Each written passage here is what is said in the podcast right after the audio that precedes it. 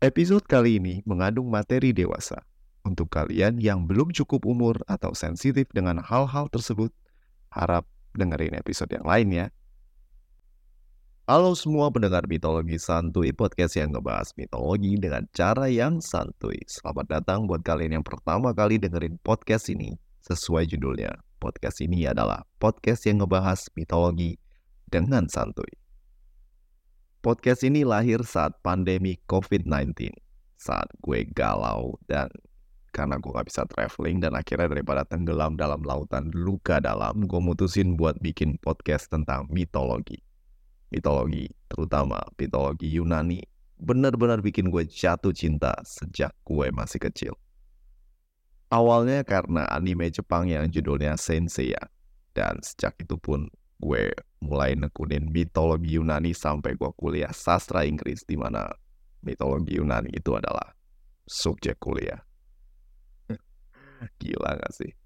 Tapi beneran, gue jadi makin demen sama mitologi sampai saat gue mampu pergi traveling, gue pergi ke Yunani dan Turki, ke tempat-tempat yang berhubungan sama mitologi Yunani.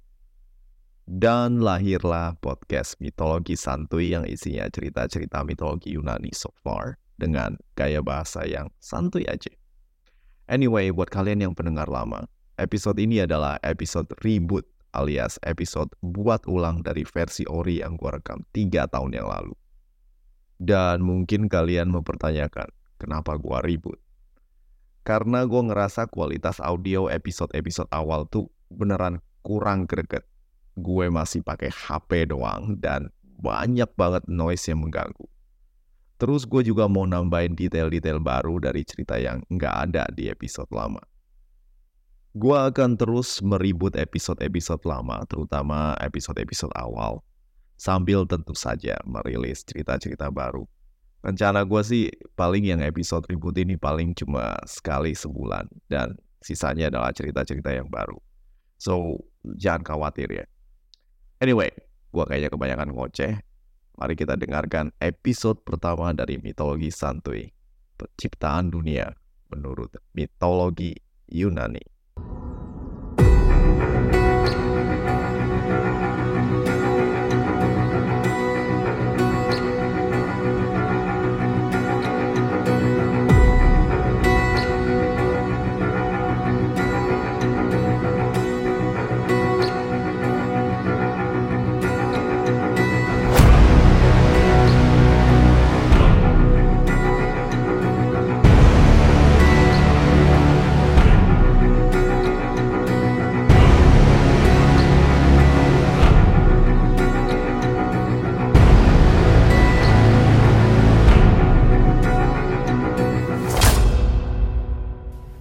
Setiap bangsa dan peradaban punya cerita tentang bagaimana awal dari segalanya bermula.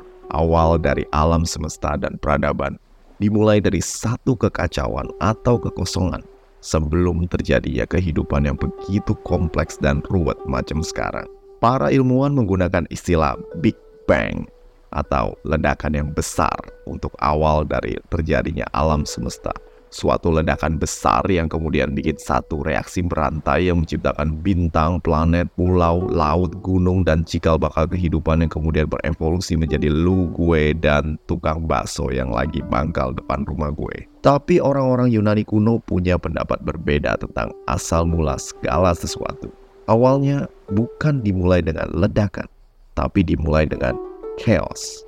Chaos adalah suatu kondisi kacau atau mungkin tak berisi, hampa tak jelas, dan suasananya seperti mati lampu ya sayang. Kalau kata Nasar, chaos adalah awal dan akhir dari segala sesuatu. Bahkan dari segala yang ada di sekitar kita sekarang. Baju yang lu pakai, earphone mahal yang mencelok di telinga lu, suatu saat akan hancur dan kembali ke kondisi ketiadaan yang disebut chaos. Dari chaos yang gak jelas, muncullah dua ciptaan baru. Entah dilahirkan atau diciptain, gua pun gak tahu. Yang jelas, ada dua, yaitu Erebus, sang malam, dan Nyx, sang kegelapan. Dan dalam kegelapan semesta seperti mati lampu, Erebus dan Nyx bersatu dan melahirkan Hemera, sang hari, dan Aether, sang cahaya. Chaos juga kemudian melahirkan Gaia, sang bumi, dan Tartarus, gua dan kegelapan perut bumi yang kelak akan dikenal sebagai neraka dalam mitologi Yunani. Malam, kegelapan, cahaya, hari, bumi, dan gua. Semua ini bukanlah dewa atau dewi yang punya kepribadian. Dan nggak ada cerita tentang kepahlawanan mereka atau kisah mereka mencari cinta seperti Zeus kelak. Mereka ini lebih mirip unsur yang akan kelak melahirkan dewa dan dewi. Itulah kenapa mereka sering dibilang sebagai dewa-dewa primordial atau dewa-dewi purba yang kelak akan melahirkan para dewa, monster, dan pahlawan. Dalam kesunyian semesta alam, Gaia sang bumi kemudian melahirkan dua anak tanpa campur tangan makhluk berkelamin pria. Kedua anak Gaia adalah Pontus sang samudra dan Uranus atau Uranus asal jangan nyebut Uranus adalah sang langit. Sementara itu, Hemera dan Aether juga mempunyai anak yang disebut Talasa, yang juga adalah samudra, namun versi ceweknya dari Pontus. Gimana? Udah bingung? Pegangan ya. Episode kali ini bakalan banyak jelasin nama dan asal mula. Jangan khawatir, dengerin aja, santuy, jangan dipikirin, gak ada ujiannya lagian. Oke, lanjut kita.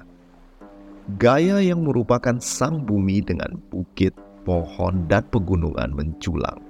Kemudian memiliki kemampuan untuk mengambil raga dan wujud seperti manusia yang memiliki kepribadian dan sifat. Demikian pula Uranus, sang angkasa raya, yang seperti awan kemudian sanggup membentuk dirinya menjadi wujud yang punya kesadaran, seperti Gaia dan dengan kebangkitan dan kesadaran Gaia serta Uranus, lahirlah konsep waktu yang kemudian menjadi awal dari segala kejadian. Uranus sang langit melingkupi ibunya Gaia sang bumi, seperti bumi diselimuti oleh langit hingga sekarang. Persetubuhan, eh, persatuan antara bumi dan langit kemudian melahirkan, wait, hold on, Gaia dan Uranus kan ibu dan anak. Kok bisa? Bruh, ini zaman sebelum aturan moral dan skala hukum aturan tercipta. Jadi hubungan ini belum bisa dibilang terlarang. Karena kalau mau dilarang, siapa juga yang bisa ngelarang kan? Anyway, di mitologi Yunani akan banyak cerita-cerita yang tak sesuai dengan norma atau kebiasaan kita sekarang. Tapi again, Jangan menilai kebiasaan dan kehidupan masa lalu dengan aturan dan kacamata orang modern. Gak bakalan nyambung dan lu bakalan jadi netizen rese daripada nikmatin cerita. Anyway, let's get back to the story. Hubungan antara Gaia dan Uranus kemudian menghasilkan generasi kedua dari dewa dan dewi Yunani yang kita kenal dengan nama The Titans. Anak-anak Gaia dan Uranus berjumlah 12, 6 cowok dan 6 cewek. Yang cowok adalah Aduh, ini rada susah ngomongnya jadi maafin ya kalau gue salah nyebut. Oceanus, Coeus, Crius, Hyperion, Iapetos, dan Kronos. Yang cewek juga kagak gampang nyebutinnya. Maafin gue kalau salah. Thea, Themis, Nemosine, Phoebe, Thetis, dan Rhea. Tidak puas dengan 12 anak mereka yang ganteng-ganteng dan cakep-cakep, Gaia dan Uranus kembali bersetu. Oke, oke, bersatu dan melahirkan anak-anak lagi. Tapi kali ini Uranus tampak kecewa melihat rupa ketiga anak kembar yang baru dilahirkan oleh Gaia. Wujudnya tidak seperti kakak-kakaknya yang ganteng-ganteng dan cakep-cakep, tapi rada nyeremin dan bikin Uranus ngedumel. Tiga anak kembar tersebut bermata satu dan berbadan macam raksasa dengan kemampuan khusus menghasilkan kilat dan petir. Yang pertama bernama Brontes alias Guntur, Stropes alias Kilat, dan Arges sang terang. Ketiganya menghiasi angkasa dengan kilat dan guntur yang bersahut-sahutan dan tenaga yang dihasilkan oleh mereka sungguh luar biasa. Ketiga kembar ini kita kenal dengan nama The Cyclops. Walaupun mereka luar biasa dan sangat kuat, Uranus tak merasa bangga dengan kemampuan anak-anaknya dan memutuskan untuk bersetu. Oke, oke, fine. Ampun dah, ya ampun bersatu kembali dengan Gaia, berharap anak-anak yang dilahirkan oleh Gaia akan lebih baik dari batch sebelumnya. Tapi anak-anak yang dilahirkan oleh Gaia berwujud lebih mengerikan dari sebelumnya.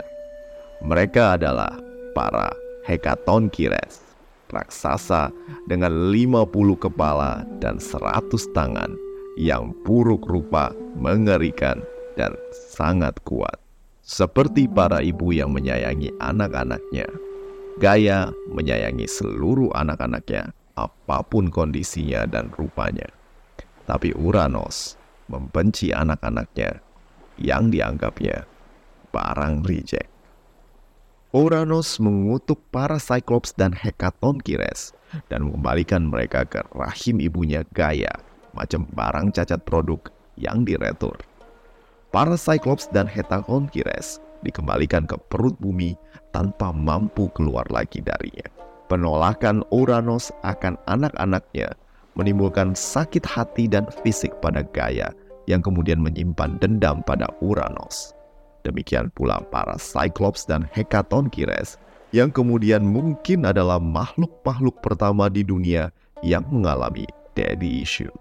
Gaya yang kesakitan karena putra-putranya yang mengamuk di dalam rahimnya mulai menyusun rencana untuk membalas perlakuan suami slash putranya tersebut. Gaya pergi ke Gunung Otris di satu wilayah yang dikenal dengan nama Petiotis sekarang. Dan selama sembilan hari sembilan malam, Gaya membuat senjata dari batuan Gunung Otris yang disebut Adamantin. Lalu Gaya mendekati putra-putrinya dan menyatakan niatnya untuk membunuh Uranus. Pertama Gaia menghubungi Oceanus dan Thetis, kakak beradik yang juga suami dan istri, dan kelak akan menjadi nenek moyang dari para sungai dan 3000 Oceanids atau peri air. Namun Oceanus dan Thetis yang hidup bahagia di samudera luas tidak ingin pertumpahan darah dan kekerasan. Hingga mereka dengan halus menolak permintaan ibunya sambil beralasan, Tetis sedang hamil. Gaia kemudian mendekati anaknya yang lain, Nemosine, yang merupakan ibunda dari Nine Muses atau sang ilham dan ingatan. Namun Gaia kembali mendapatkan penolakan oleh putrinya. Tak patah arang, Gaia mendekati Thea dan juga Hyperion, dua titan yang kelak akan menjadi ayah dan ibu Helios sang surya, Selene sang purnama, dan Eos, sang fajar.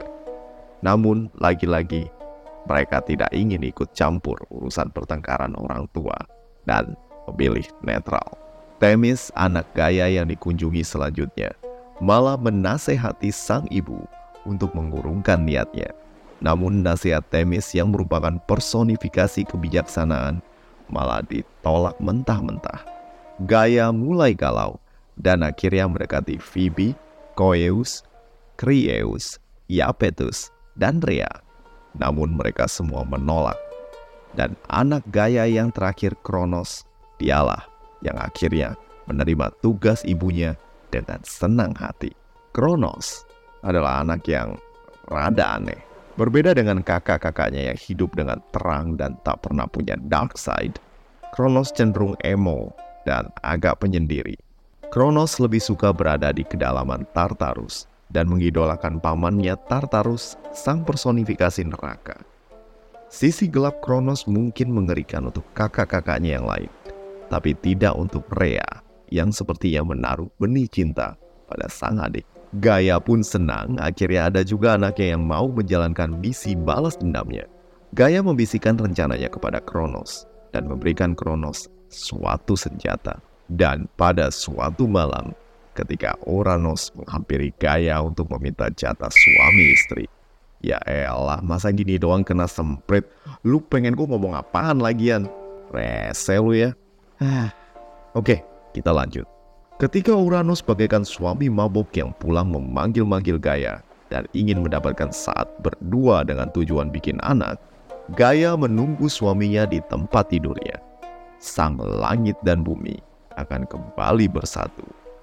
Namun tanpa diduga, sebuah sabit tajam dari batuan adamantin menyerang Uranus dan memotong bagian yang paling disayanginya, yaitu ya, yang benar aja gue belum ngomong kali memotong bagian yang paling disayanginya yaitu kemaluannya. Darah mengalir deras dari luka tempat kemaluan sang ayah berada.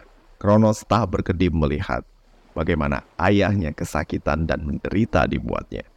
Senyum dingin tersungging dari wajahnya, dan tampak sang anak begitu menikmati penderitaan ayahnya. Uranos yang tubuh fisiknya terluka, tak sanggup lagi untuk bertarung. Dia mengutuk putranya. Suatu saat nanti, kau juga akan mengalami nasib yang sama seperti aku. Uranos sang langit sebagai entitas tak pernah mati. Namun raganya, tubuhnya yang seperti manusia itu telah ditaklukkan oleh sabetan pesabit adamantium, Kronos. Dah, demikianlah kisah penciptaan dunia menurut mitologi Yunani. Jangan khawatir, ceritanya belum berakhir. Masih ada lanjutannya. Cuma episodenya aja yang berakhir sekarang. Anyway, buat kalian yang kepengen dukung podcast ini, silahkan mampir ke laman traktir yang ada di deskripsi episode. Bolehlah bantu-bantu gua dikit. Anyway, udah dulu ya. See you and ciao.